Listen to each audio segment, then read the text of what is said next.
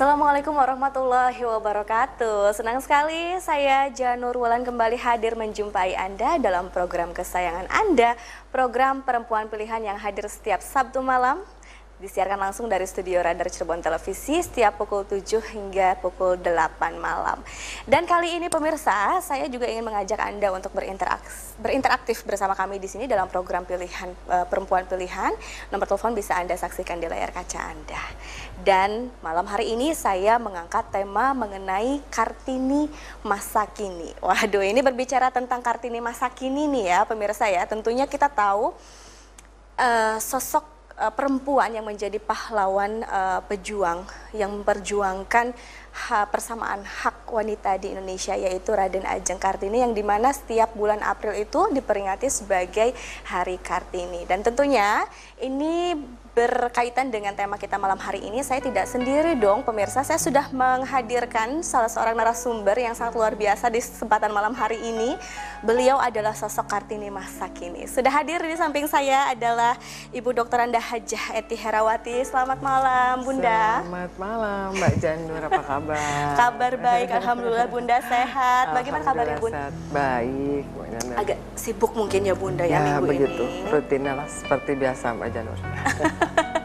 iya, beliau adalah seorang uh, wakil wali kota Cirebon. Seperti yang kita ketahui adalah sosok yang sangat luar biasa, yang tentunya aktivitasnya di kesehariannya segudang ya Bunda ya. Tapi beliau nampak cantik sekali malam hari ini dengan busana yang sungguh uh, mencitrakan perempuan Indonesia, Bunda.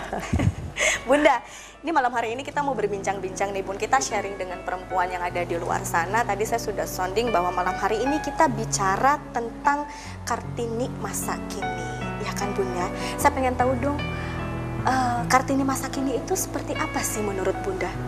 Hmm, salah satunya yang sudah diperjuangkan pendahulu kita, Raden Ajeng Kartini, Betul. sebuah perjalanan panjang yang saat uh, di zamannya ya. begitu perempuan uh, kita sebagai konco wingking ya. ya. Hari ini saya pikir perempuan perempuan-perempuan sekarang ini kita harus bisa mengisi hmm. apa yang beliau uh, sudah perjuangkan.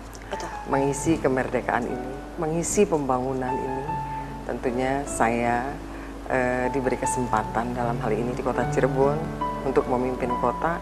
Ya, bagaimana kiprahnya untuk membantu kebijakan-kebijakan di pemerintah kota keberpihakan terhadap tidak saja kepentingan perempuan, iya. tapi untuk kemajuan kota Cirebon.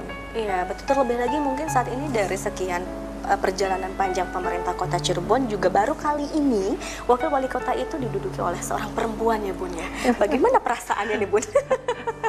Iya loh, ini menurut bunda kan pertama kali pelopor dong ya bun. Bicara perasaan tentunya eh, pertama-tama saya mengaturkan terima kasih ke iya. warga masyarakat kota Cirebon. Mhm yang sudah memberikan kepercayaan ke saya. Yeah. Nah, satu hal uh, ini kita bicara perempuan, tentu hari ini sudah tidak ada batasan perempuan dan laki Betul, Bunda. untuk mengambil mengisi sebuah kebijakan ranah publik. Dan kebetulan juga saya uh, selama periode pertama berkiprah di politik sudah ambil bagian di DPR. Jadi ada sisi-sisi yang sudah uh, sedikit apa yang harus kita lakukan untuk bisa melakukan hal-hal yang terbaik. Iya, dan mungkin ini juga sebagai sebuah bukti bahwa masyarakat kita ini sudah mulai terbuka. Mindset pemikiran masyarakat ini sudah mulai terbuka. Sudah tidak ada lagi uh, pemaknaan gender antara laki-laki dan perempuan. Semua punya hak yang sama. Apalagi untuk uh, tentunya menjadi seorang pemimpin pun tidak melihat itu apakah laki-laki atau perempuan yang terpenting dia mampu atau tidak menjadi seorang pemimpin begitu ya Bun ya? Uh, kita sesuai di uh, undang-undang kita ya, mm. uh, Mbak Janur hari ini uh, 30% diberikan ruang pemerintah. Tentu ini kita kita harus mengisi uh, apa yang diberikan ruang 30% ini. Nah, kesempatan ini tentu mm. untuk seluruh perempuan hadir, mm. terutama di kota Cirebon sendiri, ini sudah uh, luar biasa Mbak Janur yeah. Iya. uh, kiprah di parlemen sendiri dari zaman saya uh, itu ada sembilan perempuan yang uh, sudah hadir uh, mengambil sebuah kebijakan. Ini kalau kita bicara perempuan di kota Cirebon, bahwasanya uh, sudah tidak ada batasan lagi. Hari ini sudah 10 kalau nggak salah, berarti naik. Naik dari tiga. Naik dari sembilan orang jadi 10 mm -hmm. Walau memang Mbak Janur ada beberapa hal uh, yang memang kita uh, apa ya porsi 30% itu begitu sulit Mbak Janur untuk bisa menyembuhkan. Untuk dicapai. Ya, bukan untuk dicapai Mbak Janur. E, mencari kawan-kawan e, perempuan ini yang betul-betul untuk siap semuanya. Memang begitu sulit karena kebetulan saya juga sebagai ketua partai, mm. salah satu partai ada yang ada di e, e, e, dari 11 e, partai yang ada tentunya. Nah, dan e, begitu posisi pilih kita tentu ada beberapa yang yang harus kita uh, uh, lakukan. Salah satunya kewajiban kita mm-hmm. menyuguhkan 30% dan itu tidak mudah. Jadi ya saya saya salah satu tugas kami tentunya mm-hmm. selaku politisi dan juga kawan-kawan politisi di pusat tentu ini menjadi PR kita bahwa apa pun itu ya kita harus bisa mempersiapkan apa yang dipertanggungjawabkan 30%. Iya, apakah itu juga bisa dibuat sebagai tanda ketika kita sulit menemukan 30%. Sulit menemukan sosok qualified gitu ya untuk mengisi 30% ini begitu. Apakah itu sebagai tanda bahwa memang perempuan kita ini di masyarakat kita memang belum siap? Rasanya kalau dibicarakan kita kesiapan, kesiapan itu uh, tinggal bagaimana kita memaknai, Mbak Jadi. Mm -hmm. Tugas kita adalah mensosialisasikan yeah. bahwa pengambil kebijakan di publik karena perempuan yang tadi disampaikan pertama Pak Janur perempuan ada di ranah publik perempuan berbuat untuk sebuah kepentingan yang hari ini saya pikir pahlawan-pahlawan keluarga ini juga tidak serta merta saya tentunya kapasitasnya hari ini yang diberi kepercayaan uh, masyarakat kota Cirebon ya. untuk bisa ambil bagian memimpin kota ini tapi juga ibu-ibu yang di rumah yang berjuang untuk bagaimana mendidik anak-anaknya ini tidak kalah penting Pak Janur. Betul, betul. Dia adalah pahlawan-pahlawan kita, apa pun itu. Karena kita dengan uh, uh, uh, bagaimana menjadi keluarga ini menjadi tolak ukur. Kita belajar dari rumah ini sangat inilah kartini-kartini sejati sesungguhnya. Hari ini adalah hari uh, uh, uh, Pak Jokowi menetapkan uh, begitu tulang diketuk palunya hari ini kan. Kumpul di ya. pas banget. Bahwa dari keluarga ini iya. kita bicara bagaimana uh, perempuan bisa mendidik anak-anaknya. Ini yang mungkin yang jadi perempuan masa kini juga bisa kita lihat juga mungkin eh, ibu-ibu uh, yang di sana yang mungkin hanya orang menilainya kalau diam di, di dalam rumah itu tidak ada kualitas dan lain sebagainya justru yeah. itulah ujung tombak. Betul. Ya, ini betul, adalah seorang ibu, seorang sumber di mana seorang ibu ini harus mendidik anak-anaknya yeah. menjadi putra putri betul. bangsa yang berguna dan bermanfaat. Yeah. Baik, Bunda, nanti kita akan berbincang lagi lebih seru lagi tentunya pemirsa Anda jangan ke mana-mana. Kami juga mengundang Anda untuk berinteraksi bersama kami dalam program ini. Setelah yang satu ini tetaplah di Radar Cirebon Televisi.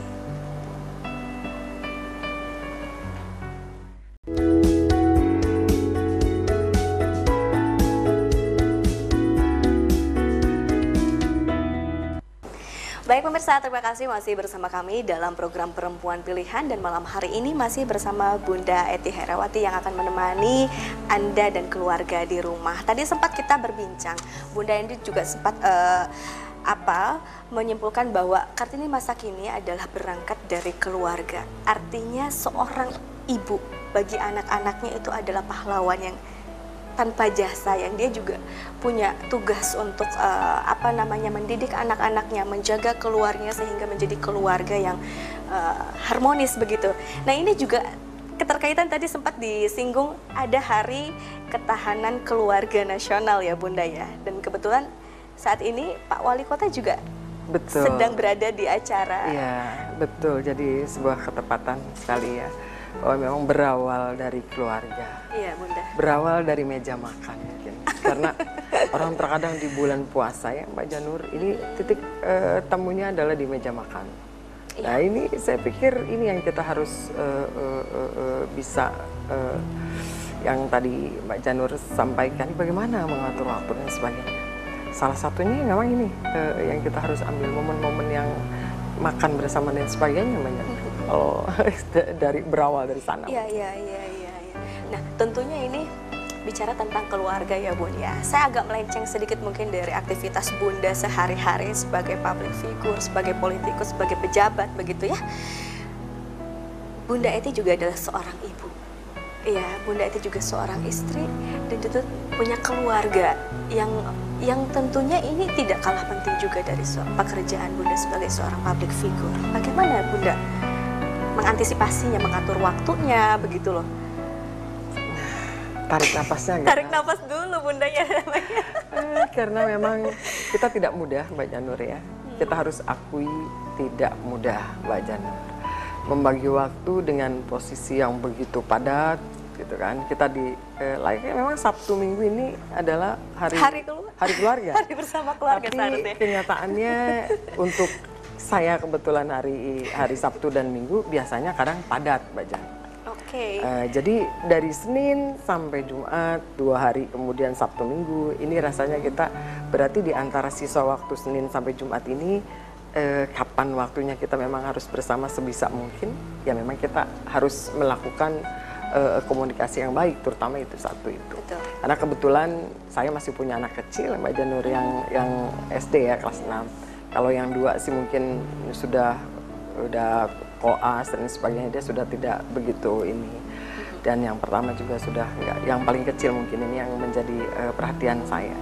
Ya tapi itulah uh, kita berbagi waktu saja Mbak Jadur sesulit apa pun kalau memang sulit itu. Tapi kita memang quality time yang harus kita uh, utamakan mungkin waktu-waktu khusus kita terutama makan ya yang kesempatan-kesempatan yang itu kita harus lakukan. Ya tentunya itu tidak mudah dilakukan tidak mudah, ya Bunda ya menjadi tidak seorang mudah. ibu untuk bagaimana kita membuat uh, putra-putri kita paham akan aktivitas kita di luar rumah sementara kita juga harus membagi waktu dengan mereka begitu. Pernah iya. nanya nggak sih Bun putranya atau putrinya, "Mama kok sibuk banget sih di luar terus kapan punya waktu buat aku?" gitu misalnya. Iya pasti pasti Mbak Janur kemarin juga kebetulan ngisi salah satu acara hmm. di BNN ya Mbak Janur. Yeah. Saya malamnya baru ada uh, sedikit uh, ya yang harus uh, saya harus juga berkilas balik, harus hmm. introspeksi. Yeah. Jadi di pagi hari saya baca di hari anak saya, ini membuat saya sedih banget gitu okay. kan. Ya bahwa intinya sih uh, uh, kita betul-betul harus ada waktu yang kita siapkan mungkin untuk ibu-ibu semua menjadi sebuah perhatian juga bahwa anak-anak juga hari ini dengan uh, global situasi yang luar biasa ya. Betul. Nah ini uh, kita harus uh, memberikan perhatian anak-anak dengan gadget dengan asiknya Betul. mungkin ini yang yang menjadi perhatian kita. Kalau uh, saya pikir yang tadi disampaikan ini melenceng juga nih sedikit dari yang uh, temanya hari ini ya. perempuan kartini era masa kini, masa kini kan gitu. Sebetulnya sih intinya adalah bagaimana kita bisa membagi, memberikan ruang waktu ini di mana untuk memang pekerjaan dan juga untuk anak-anak kita dan itu mau nggak mau harus dilakukan. Harus dilakukan. Walaupun mungkin tidak sesempurna yang kita harapkan ya, ya betul, ya, betul, tapi minimal betul, kita betul. sudah meluangkan waktu untuk anak-anak dan juga ya. keluarga. Wah, betul, betul. tentunya sangat sulit sekali. tapi hebatnya lagi perempuan bisa melalui itu loh, Bun. Melalui semuanya sebetulnya walaupun semuanya tidak sempurna dijalani. Betul, betul. jadi kebetulan memang eh, saya sebagai ketua partai juga jadi ada ada ada tugas lain selain memang uh -uh. kepala daerah. Yeah. Ada partai yang harus diurus, kebijakan-kebijakan mungkin di Jakarta dan di Bandung. Ini juga memberikan waktu yang luar biasa hmm. harus uh, ekstra gitu kan betul. gitu. Uh, semua diambil sisi baiknya ya kita memberikan ruang uh, buat uh, masyarakat juga uh, kita ya ibadah, di mana kita mengambil sebuah kebijakan untuk kebijakan eh, di kantor. Selalu kepala daerah juga betul-betul kita harus harus ada juga tampil di depan kan kita nggak bisa juga. Betul. Apa pun ini yang menjadi sebuah kepercayaan masyarakat kita harus harus eh, betul-betul uh, menunjukkan bahwa kita harus siap, mm -hmm. Pak Janur. Tidak ada uh, sebuah kata kesulitan karena saya pikir hari ini eh, saya kebetulan sebagai wakil saya bersama Pak Ajis kan itu banyak visi misi kita yang memang harus kita eh, lakukan gitu. Kita harus bisa berbuat untuk kota ini. Iya. karena periode lima tahun ini tidak tidak eh, lama gitu kan. Saya sudah enam bulan hari ini. Tidak berasa Mbak Janur bagaimanapun ini kita harus eh, bisa mewujudkan visi misi kita di akhir masa jabatan pertanggungjawabannya jelas. Betul. nah ini yang disampaikan. Bagaimana eh, eh, Kartini masa kini kan gitu. Nah ruang ini yang kita harus isi, Mbak Janur. Kita mengisi ruang sisi yang diberikan masyarakat, ya kita harus bertanggung jawab di ruang kebijakan. Begitupun saya sebagai perempuan, sebagai ibu, kebijakan-kebijakan yang ada di eh, eh, dalam negeri kita kan gitu. Tentu kita juga harus bisa menyelesaikan. Uh, tapi saya yakin perempuan-perempuan uh, kita di kota Cirebon dengan posisi komposisi yang sudah dilalui di politik, walau begitu sulit mencari sosok-sosok perempuan yang untuk bisa uh, dipilih saat 30% tuh hadir memang sulit Mbak Jani. Tapi Apa kenyataannya bisa lolos. Qualified-nya Bunda, maksudnya mencari sosok perempuan yang sesuai dengan untuk mengisi ruang pergerakan perempuan yang 30% itu yang seperti apa sih? Perempuan yang seperti apa sih Bunda yang dicari? Nah, ini pertanyaan bagus banget nih Mbak Janur. Satu hari ini mungkin kita kalau hitungan di Cirebon ini kan ada tiga dapil ya, Mbak Janur. Tiga dapil ini berarti kalau di dapil eh, satu ini eh, kita harus eh, minimal dengan du- 12 eh, eh, kawan-kawan yang hadir itu minimalnya harus tiga, tiga perempuan. Terkadang eh, kawan-kawan kan dari seluruh partai itu tiga-tiga ya, tiga Iya. termasuk. Nah, ini mencari sosok yang betul-betul mengimbangi ini, Mbak Janur. Betul-betul untuk bertarung dengan kawan-kawan yang lain. Ini kan kita harus jeli karena perhitungannya adalah perhitungan bagaimana kita eh, eh, eh, sosok-sosok yang betul-betul berkiprah di masyarakat. Ya. Masyarakat juga mengenal mengenal dengan baik. Sudah apa saja sih yang dilakukan gitu kan? Iya. Para eh, eh, eh, eh, calon-calon ini ke masyarakat. Nah ini kan tidak tidak tidak mudah kan gitu untuk mencari tiga karena kita bertarung dengan kawan-kawan yang lain. Jadi intinya eh, kita harus lebih banyak memberikan edukasi pendidikan politik ke masyarakat. Saya pikir bahwa mengambil kebijakan kita mau berbuat, mau melakukan sesuatu itu harus ada di parlemen, harus ada di dalam, kan gitu. Berarti dengan cara kita masuk berpartai dulu, Iya. kan gitu. Baru kita bisa mengambil eh, eh, eksekutor-eksekutor di dalam kebijakan. Betul. Gitu. Artinya sekarang kan ruang sudah diberikan kepada perempuan-perempuan di tengah-tengah masyarakat untuk eh, ikut berkiprah dalam sektor publik ya begitu ya Bunda ya. Eh, mungkin edukasi juga sudah dilakukan sedikitnya begitu ya Bunda ya, yang sudah dilakukan oleh partai ya, ataupun pemerintah.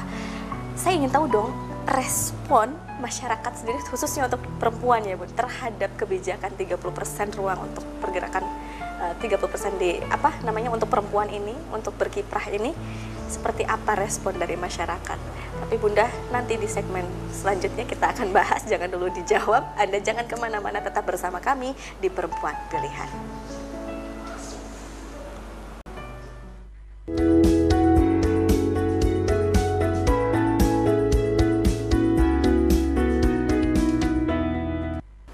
Ya pemirsa, kita kembali lagi dalam program kesayangan Anda, program Perempuan Pilihan. Kami masih menunggu Anda untuk bergabung bersama kami di program Perempuan Pilihan. Dan malam hari ini tentunya saya ditemani oleh Bunda yang sangat luar biasa. Kartini masa kini ada Bunda Eti Herawati di samping saya. Tadi saya sempat berbincang-bincang luar biasa sekali. Ternyata sudah banyak sekali ruang yang diperuntukkan untuk para kaum perempuan. Hanya saja bagaimana kita memberdayakan perempuan tersebut untuk mau bergerak mengisi ruang pergerakan ini ya Bun ya. Sejauh ini Rum, eh, undang-undang yang diberikan oleh pemerintah untuk perempuan 30% itu untuk mengisi ruang itu bagaimana responnya di lapangan Bunda? Mungkin kalau Bunda sering ya ke lapangan-lapangan gitu kan. Kira-kira respon perempuan kita seperti apa sih ini terhadap kebijakan itu Bun? Untuk di, perko- di perkotaan mungkin ya, kebetulan kita juga pengkaderan perempuannya lumayan cukup. Eh, mungkin eh, kalau secara eh, kecukupan kita cukup. Karena kita di partai itu ter harus kita sekitar 30% itu udah harus ada tuh pengurus itu tuh. Masuk di posisi kepengurusan. Walau memang agak eh, sedikit menjadi akan menjadi kesulitan manakala memang ini yang kita tugas kita Mbak Janur. Respon di masyarakat sendiri Mbak Janur posisi hari ini. Mungkin uh, kalau di perkotaan tidak begitu sulit ya uh, uh, bahwa uh, keramaian di uh, uh, pileg, keramaian di pesta-pesta demokrasi ini sudah menjadi keramaian yang menjadi daya tarik sendiri kalau di kota. Iya. Jadi manakala ada teman-teman menjadi tim, hmm. ada menjadi uh, uh, pegiat sosial, ini adalah cikal bakal ketertarikan di dunia uh, politik dan pabrik karena berawal dari posisi uh, uh, uh, tidak saja organisasi perempuan kalau di kita di RT RW kan ada posyandu, yeah. poswindu itu kan para kader. Mungkin ketertarikan dari awal dengan bersama-sama ada kader-kader muda, kadang berorganisasi kecil dan lain sebagainya. Ini salah satunya, salah satu yang uh, tentunya uh, uh, minat Eh, anak-anak uh, ini menjadi satu minat oh ya berorganisasi. Mm. ada kiprah di sana. Betul. kan gitu. Ini yang yang uh, saya saya bidik saya turun ke lapangan tiap saat. Di luar uh, uh, memang poswan posyandu dan lain sebagainya. Ada uh, organisasi organisasi kecil uh, keperempuanan. Ini juga menjadi salah satunya lagi untuk uh, kita bisa ruang-ruang ini yang pada akhirnya e, masyarakat kita di bawah untuk bisa bersama-sama ada. Saya terkadang satu dua di ibu-ibu kader pelan mau masuk nggak di kita. Iya. Ini loh politik bu, nanti ini nanti ini kita untuk berteman saja dulu kan gitu. Banyak teman. Nah ini salah satu yang yang kita harus bisa mengedukasi masyarakat. Lama-lama setelah berkumpul bersama, belajar berorganisasi, bahwa di partai juga tidak ngeri-ngeri amat, mm -hmm. ada uh, uh, kebijakan untuk pembelajaran, belajar bagaimana uh, uh, kita untuk uh, uh, bicara dan sebagainya. Lama-lama daya tarik ini menjadi satu kesatuan, Mbak Janur. Kita memang harus sering-sering uh, melakukan komunikasi ini dengan masyarakat. Walau hari ini waktu saya terbatas. Tapi tentunya tetap menyempatkan ya Bunda ya. Tentunya ini ada paribahasa bisa karena biasa itu oh. tadi ya Bunda ya. Tapi tentunya mungkin uh, ada juga eh, perempuan-perempuan uh, yang kalau perempuan yang tinggal di kota besar mungkin setidaknya akan lebih gampang lagi beradaptasi atau dapat memberdayakan dirinya untuk mengisi ruang-ruang pergerakan untuk perempuan ini ya Bun ya. Artinya untuk mengajak perempuan untuk ikut membangun juga lebih mudah. Tapi mungkin ya Bunda di desa-desa sana juga mereka terbentur dengan nilai-nilai atau tradisi yang ada di kampung mereka. Seperti misalnya Bunda contohnya ini saya pengalaman pribadi loh Bunda saya kadang uh, pulang itu kalau habis siaran tuh malam ya bun ya. Kadang banyak kok pulangnya malam sih. Habis dari mana sih kok perempuan pulangnya malam-malam? Nah itu juga sebetulnya menjadi hal-hal yang pada akhirnya uh, untuk perempuan tersendiri agak uh, maju mundur begitu ya untuk akhirnya oke okay, saya melesat gitu. Ini bagaimana nih untuk perempuan menyikapi nilai-nilai budaya yang ada di tengah masyarakat Bu? Di masyarakat kita memang ada beberapa perempuan ya ada stigma bahwa uh, yang ini kita sulit lepaskan ya. Ya, yang betul. tadi dikatakan Mbak, sekali itu, Bun. uh, Mbak Janur bahwa kita pulang malam ada tradisi ini. Menyikapinya adalah saya pikir sebuah kewajaran.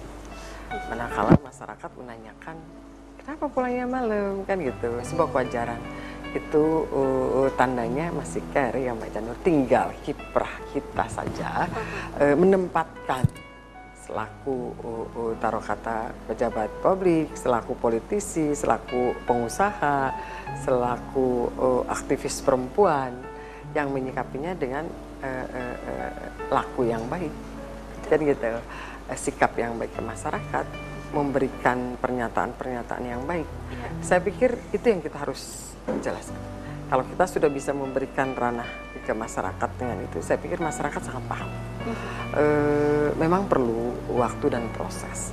E, saya juga mengalami hal yang sama, Mbak Janur manakala e, di masyarakat tentunya e, e, kebetulan saja tinggalnya tidak begitu sensitif karena tinggal di komplek. Tapi tetap saja saya masuk komplek ada satpam Selamat malam Ibu, selamat pagi Ibu, karena datangnya sudah jam 1. Selamat ya, paginya betul. sudah jam 2. Sudah ya. Malam banget Bu, dari mana? Pertanyaan itu uh, membuat uh, uh, uh, ketidaknyamanan, uh mhm. -huh. membuat apa? Saya pikir masih wajar. Iya. Bentuk perhatian Pak Satpam terhadap saya karena saya buka pintu mobil, saya bawa mobil sendiri. Selamat malam Pak, pagi Bu. Pagi ya Ibu. Pagi, Eh, ternyata pagi sudah ya. pagi karena jamnya sudah jam 1, jam Iya. 2. Dan buat saya jam 1, jam 2 itu adalah jam yang biasa-biasa saja kan gitu. Nah, ini eh, satu hal yang yang yang memang kita harus bisa menyampaikan. Tapi saya pikir masyarakat juga sangat paham situasi. Apalagi di daerah kan gitu. Iya, iya. Di salah satu perkampungan kita datang ini lebih tajam lagi. Nah, mungkin kalau hari ini menyikapi ada beberapa pertanyaan seperti ini, saya pikir kalau kitanya dengan sikap dan kebijakan, ya kita bisa mengkanter itu. Yang tadi kita lihat bahwa tantangan perempuan berkiprah, tantangan perempuan hari ini, saya pikir ini adalah sebuah tantangan ya. Eh, tapi itu harus bisa Mbak Jan. Karena perempuan, saya saya menyikapinya adalah perempuan hari ini adalah memandangnya perempuan tuh lebih eh, kuat ya hari ini, bisa ngurus anak-anaknya, mencari sesuap nasi untuk anak-anaknya, semua bisa dilakukan seorang perempuan, kan gitu. Dan kita harus siap Mbak Jan, karena eh, sebuah proses eh, hidup itu eh, kita, saya prinsipnya tidak harus tergantung, Iya. Eh, kita harus Mandiri. mandiri kan gitu. Manakala terjadi sesuatu bahwa saya bisa establish bicara, nih saya bisa melakukan sesuatu untuk kita. Nah, itu itu dulu. Eh, kalau kita eh, kita melakukan mem- me- apa, bekerja eh, bekerja keras, saya pikir kita untuk mengamankan mm, tidak saja yang jelas diri kita, anak-anak kita, semua itu kita harus siap. Karena kita nggak tahu apa yang terjadi di depan itu, apa yang akan terjadi. Kita harus siap itu dulu rasanya eh, di luar memang. Jadi saya berpikir ya di zaman Raden Ajeng Kartini luar biasanya dikungkung bahwa perempuan sebagai apa Betul. dapur tidur ya apa. tidak melakukan apa pun dan hari itu memberikan sebuah pemberontakan dengan eh, eh, semua eh, ruang yang saat itu tutup dan hari ini kita ya kita betul-betul harus bisa memanfaatkan momen itu. Kesiapan kita selaku perempuan karena eh, proses hidup ini kita nggak tahu dalam sebuah perjalanannya tapi saya yakin hari ini adalah perempuan-perempuan kuat di eh, eh, kota Cirebon di Indonesia ini dan juga eh, Mbak Janur juga salah satu perempuan yang eh, luar biasa eh, strangle ya. Saya pikir media semua semua saya pikir tidak list eh, eh, sebagai politisi para pengusaha kan tidak ada batasan laki dan perempuan saya pikir Mbak Janur. Ya. Semuanya punya hak yang Iya, sama. Sama. Begitupun saya di kantor Mbak Janur. Saya dengan Pak Ajis kebetulan teman rekan SM dari sa- satu SMA ya. Satu sekolah dulu satu ya, Bu? sekolah kita satu kelas dengan beliau. Jadi tidak ada perbedaan bahwa saya harus eh, apa ya Mbak Janur harus eh, ini karena Bu Eti itu perempuan, karena Bu Eti nggak boleh begini, nggak ada Mbak Janur. Eh, memberikan ruang kebijakan adalah ya secara tanggung jawab kita, saya sebagai wakil porsinya apa, beliau sebagai wali kota porsinya apa, kita bersama-sama. Manakala kebijakan Bapak nggak ada, saya harus mengganti posisi beliau, ya saya harus siap. Betul. Nah, jadi eh, di pemerintah kota nggak ada, at least Bu Eti adalah perempuan, nggak boleh berkiprah, ada ini, ada itu nggak ada. Karena kepala dinas perempuan juga kita sudah banyak, Mbak Janur. Eh, eh, mm, beberapa kawan-kawan juga sudah kiprahnya Iya. sudah luar biasa di dalam batasan itu untuk pengambil kebijakan juga Sudah tidak ada. tidak terlihat ya, lagi ya, ya. tinggal bagaimana kita eh, kesiapan kita bahwa kita mampu, kan kita bisa, kan gitu. Nah ini yang eh, menjadikan sebuah tantangan. Harus perempuan harus ada isinya, ada kepalanya harus berisi, Baik. sikapnya, semua semuanya lah Mbak Janur. Lalu bagaimana menjadi seorang perempuan yang hebat Nah, yang ternyata itu, jiwanya juga menjadi kuat seperti Bunda Eti di sini nanti ya kita simak ya rahasia-rahasia dari Bunda Eti selanjutnya setelah yang satu ini jangan ke mana-mana tetap bersama kami di Perempuan Pilihan.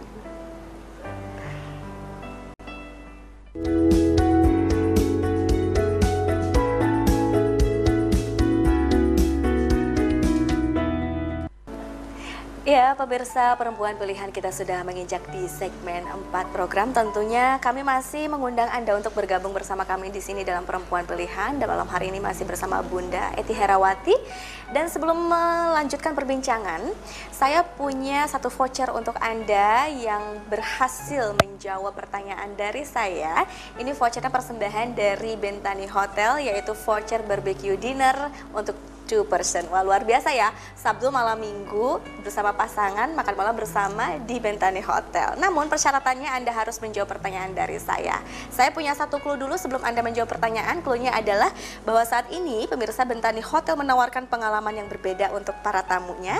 Anda dapat menikmati food and beverage. Selain itu, Bentani juga menawarkan promo all you can eat barbecue dinner. Seperti Anda mungkin bisa barbecue bersama keluarga, seafood, ikan-ikan segar, ayam, daging sapi, kentang, dan yang lainnya dengan harga yang terjangkau. Namun pemirsa, all you can eat barbecue dinner ini hanya uh, berlaku di weekend aja, jadi khusus untuk hari Jumat dan Sabtu malam. Nah ini catat ya pemirsa ya. Dan langsung saja ke pertanyaannya pemirsa, pertanyaannya adalah apa yang ditawarkan oleh Bentani Hotel and Residence pada hari Jumat dan Sabtu malam?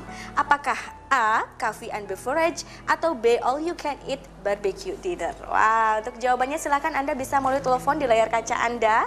Halo, selamat malam. Halo. Halo. Halo, selamat malam. Assalamualaikum. Waalaikumsalam warahmatullahi wabarakatuh. Baik, dengan Mbak siapa di mana?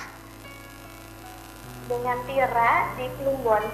Dengan Mbak Tira di Plumbon. Jawabannya apa loh Mbak? Uh, barbecue dinner. All you can eat barbecue dinner.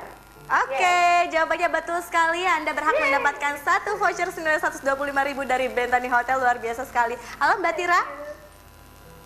Yeah. Mbak Tira. Iya. Iya, Mbak Tira mau ada pertanyaan nggak untuk Bu Eti Herawati di sini? Kita sedang berbicara tentang Kartini masa kini loh.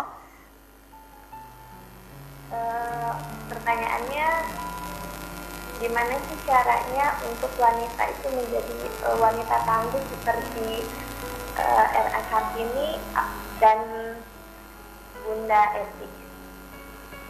Oke, okay, sudah tangkap ya pertanyaannya. Jadi yeah. bagaimana kita untuk menjadi seorang wanita yang hebat, yang kuat, yang standar, yang tangguh. Oke okay, Mbak Tira terima kasih atas partisipasinya. Nanti vouchernya bisa langsung diambil di studio Radar Cirebon Televisi ya Mbak Tira ya. Selamat malam Mbak Tira. Assalamualaikum. Oke, sudah ditutup nampaknya. Tadi pertanyaannya Mbak Tira, seorang pemirsa perempuan juga di luar sana ingin bertanya sama Bunda Eti ini bagaimana sih menjadi sosok yang hebat, yang struggle seperti sekarang yang sedang Mbak uh, Bunda Eti lakukan. Selamat malam Mbak Tira, selamat. Uh, uh, mudah-mudahan menunya dari Bentani bisa dinikmati. Betul. itu uh, selalu saya juga malam ini setelah ini Bentani juga. Langsung ke Bentani Hotel luar biasa Bunda. Jadi perempuan tangguh ya. Jadi perempuan tangguh adalah kita bagaimana uh, menyikapi diri sendiri dulu Mbak Tira. Salah satunya adalah kita harus uh, uh, tetap uh, uh, apa ya? Kita mulai dari diri kita. Ya, Betul. Ya, Mbak. Nah, salah satu itu kita harus uh, posisinya kita harus posisi uh, kuat kan gitu tidak pantang menyerah ya. tidak juga lemah dan kita harus berjuang di segala sesuatunya karena dengan sebuah perjuangan itu tidak boleh menyerah apa pun yang terjadi kita tetap harus kita bisa saya bisa saya yakin bisa di apa pun bidangnya ya. Tidak saja mungkin di uh, pengambil kebijakan seperti saya di rumah tangga kesulitan itu pasti ada jalan keluarnya Iya. dan itu kita tidak boleh berputus asa.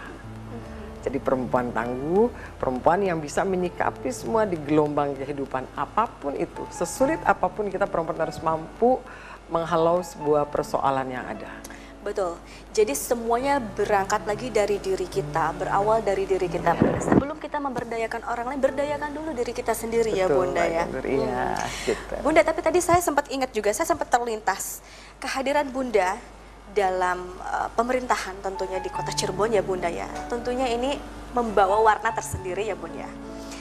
Perempuan itu kan memiliki uh, jiwa yang menurut saya sih melihatnya fleksibel. Perempuan itu saya rasa dia mampu menghadapi segala uh, berbagai bentuk permasalahan termasuk mungkin dalam berbagai bidang tentunya. Termasuk mungkin bidang politik yang saat ini mungkin Bunda sedang hadapi begitu ya Bunda. ada nggak sih kekuatan tersendiri yang tentunya muncul dari jiwa seorang perempuan dalam bidang politik ini kelebihannya gitu loh Bun? Ah, banyak banget. Apa tuh Bun? Boleh berbagi dong? Perempuan tuh lebih dari laki-laki. Oh, gitu? Saya pikir iya, perempuan ada sebuah eh, eh, kita perempuan bisa dengan eh, laki-laki mungkin ada eh, ada saat-saat laki-laki ini eh, tidak bisa masuk di ruang itu. Iya. Nah, perempuan eh, bisa dengan lentur, dengan sikap yang eh, taruh kata apa tadi Mbak Jandur bilang? Luas Fleksibel, mungkin luas. gitu ya. Kita bisa masuk ke arah sana. Sebetulnya jadi politisi perempuan ini kita harus bersyukur karena banyak ruang yang kita harus eh, kita bisa bukan harus, memang bisa situasinya memungkinkan. Cuma yang tidak boleh adalah perempuan ini dimanfaatkan. Nah, Nah, ini pemanfaatan ini yang kita harus perhatikan bahwa kita harus eh, eh, sensitif ya, Mbak Janur, juga harus berhati-hati kan gitu, Eh, mewaspadai eh, eh, eh, eh, eh, eh, sikap-sikap tertentu. Nah, kita harus bisa membaca sikap-sikap itulah, Mbak Janur. Kita harus bisa waspada gitu tuh. Ini salah satu yang kita harus menerapkan kesiapan seperti itu, Mbak Jan. Tapi kalau sudah kita lepas dari persoalan menganalisa, saya pikir semua aman-aman saja. Perempuan lebih lebih fleksibel. Ya, karena mungkin tadi ya, mungkin karena kemampuan analika, eh, analitik thinkingnya juga berjalan, begitu ya, analisanya juga berjalan. Lalu mungkin perempuan itu ada kelebihannya itu mungkin dari sisi hati mungkin ya Bun ya, antara logika dan hati itu mungkin masih bisa. Tapi kadang ada juga, lah perempuan itu banyaknya pakai hati loh dibanding logika, ada juga yang seperti itu. Nah ini juga mungkin yang agak sulit untuk apalagi mungkin kita eh, bunda posisi ada dalam sebuah eh, jabatan yang menentukan sebuah kebijakan menentukan kebijakan itu bagaimana nih Bu, untuk seorang perempuan antara logis dan perasaan begitu bun Kita tetap realistis, Mbak Janur. Di sebuah kebijakan eh, eh, eh, tidak harus menggunakan hati. Tapi ada kalanya menggunakan hati, ada menggunakan memang sikap yang tegas. Karena kita nggak bisa kalau katanya kebijakan itu uh, uh, uh, sesuatu yang memang kita harus kita lakukan, mungkin saya harus lebih keras dari satu langkah, saya harus dua langkah melakukan itu. Dan perempuan dengan gayanya dua langkah tuh dengan gaya tersendiri dia bisa melakukan dua langkah. Saya pikir ketegasan itu wajib. Kita nggak bisa. Saya mungkin eh, di kota Cirebon orang nomor dua kan gitu. Nah posisi sikap dan ketegasan pun wajib kita. Karena untuk membantu eh, eh, eh, bapak kan membantu beliau. Nah apa pun itu karena Maksudnya kita eh, harus bisa ya harus mengcover Betul. apa yang eh, bapak sudah lakukan kita mengcover dari belakang. Karena kebersamaan memimpin antara saya dan eh, Pak Wali ini ini harus harus kita lakukan bersama-sama menunjukkan bahwa eh, ini loh kebijakan visi misi kita. Dan eh, karena saya perempuan, terus ada sikap bapaknya dengan tegasnya, oh enggak, menurut saya, menurut hati saya nggak bisa tergitu. Tetap kebijakan adalah bicara kebijakan, ketegasan adalah bicara ketegasan, dan sikap itu kita harus ambil, tapi nurani hati kita tetap harus berjalan bahwa untuk menyikapi hal-hal tertentu ini tentu kita ada ada beberapa teori. Ah kalau orang mungkin menggunakannya langsung to the point kalau kita harus muter dulu tapi tujuannya sama kan gitu jadi ini eh, strategi saja eh, Mbak Janur memainkan strategi bagaimana finalnya gongnya adalah selesai kan gitu kebijakan. Mungkin itu saja. Eh, intinya kalau saya lihat perempuan itu lebih fleksibel di dalam menangani sebuah masalah, yes. Karena tadi ada nurani, ada hati, ini. Tapi ketegasan itu adalah sebuah kewajiban. Karena tidak ada ketega, kalau tidak ada ketegasan kita sulit. betul Kita harus bersikap tegas, manakala kebijakannya menuntut wajib. Kita nggak bisa. Ini harus selesai, nggak bisa. Karena apa bu? Karena ini, karena ini, karena ini. Nah, jadi kita juga harus bisa apa namanya bisa memilah dan memilih eh, sikap seorang perempuan itu ketika harus tegas, kapan ketika harus tegas, kapan ketika harus kita menggunakan perasaan kita. Betul, Mbak. Bunda, salah satu eh, nilai atas perjuangan dari yang sudah Kartini lakukan adalah wanita itu harus berani bermimpi. Pertanyaan saya, apakah menjadi wakil wali kota adalah mimpi Bunda Eti Herawati dari kecil atau tidak? Tapi nanti dijawabnya Bunda. Setelah yang satu ini pemirsa Anda jangan ke mana-mana, tetap bersama kami di Perempuan Pilihan. Baik.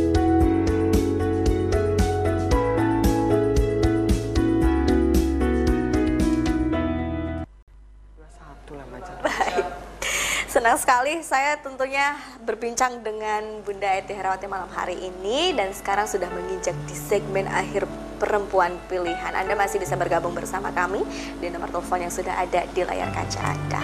Salah satu nilai perjuangan dari RA Kartini adalah mengajak semua kaum perempuan di Indonesia untuk tidak takut atau berani bermimpi.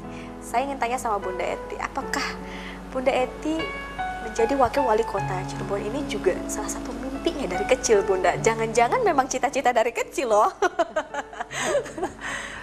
uh, semua uh, uh, katanya gini ya Mbak Janur ada istilah. Semua berawal dari mimpi. Iya. Uh, kita bicara mimpi adalah bicara sesuatu hal uh, kita harus punya angan-angan, punya cita-cita dan punya mimpi. Saya bermimpi dari kecil nggak ada Mbak Janur pengen jadi politisi. Oh iya?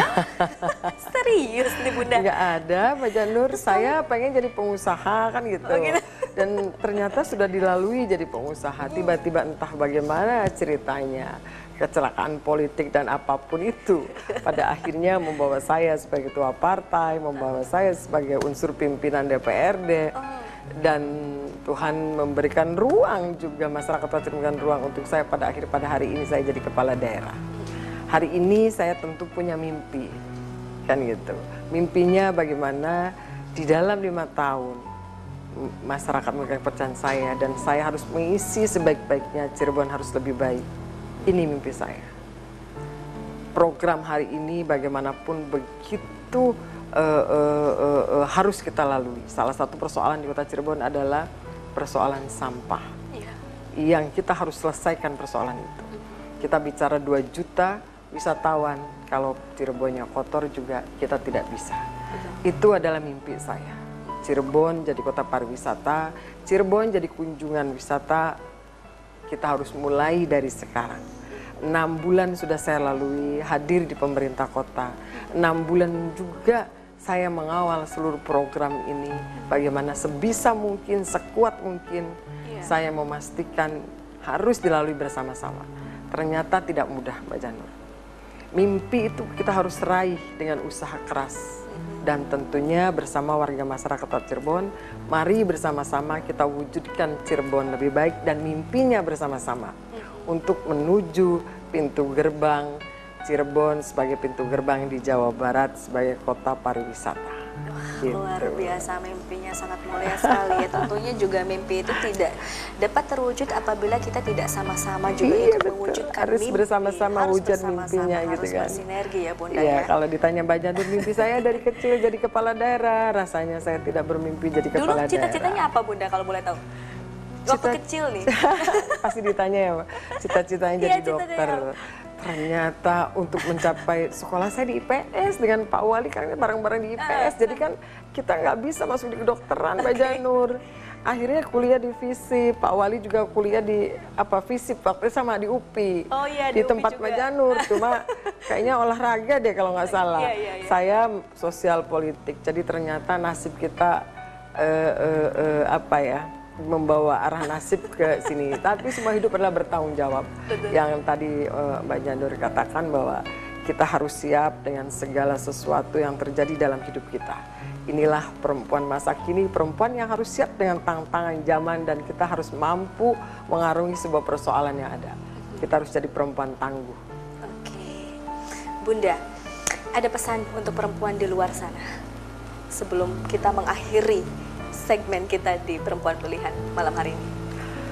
Pertama-tama mungkin saya mengucapkan selamat ke RCTV yang sudah uh, uh, uh, apa uh, acara Perempuan Pilihan ya. ya uh, ini adalah salah satu kontribusi TV uh, yang wilayahnya di Cihayu Manja Kuning dan hari ini sudah di nasional juga sudah hadir membawa-bawa komitmennya adalah untuk perempuan inilah salah satu yang uh, eh, RCTV lakukan. Betul. Satu itu saya tentunya atas nama pribadi, atas nama pemerintah Kota Cirebon, mari bersama-sama bahwa perempuan-perempuan uh, di Kota Cirebon bisa untuk saling mengisi, saling bergandengan tangan untuk bisa mewujudkan kota ini adalah uh, uh, uh, uh, nyaman untuk perempuan, nyaman untuk anak-anak uh, kita. Iya. Karena uh, untuk mewujudkan kota aman, nyaman, tentu untuk perempuan maksudnya.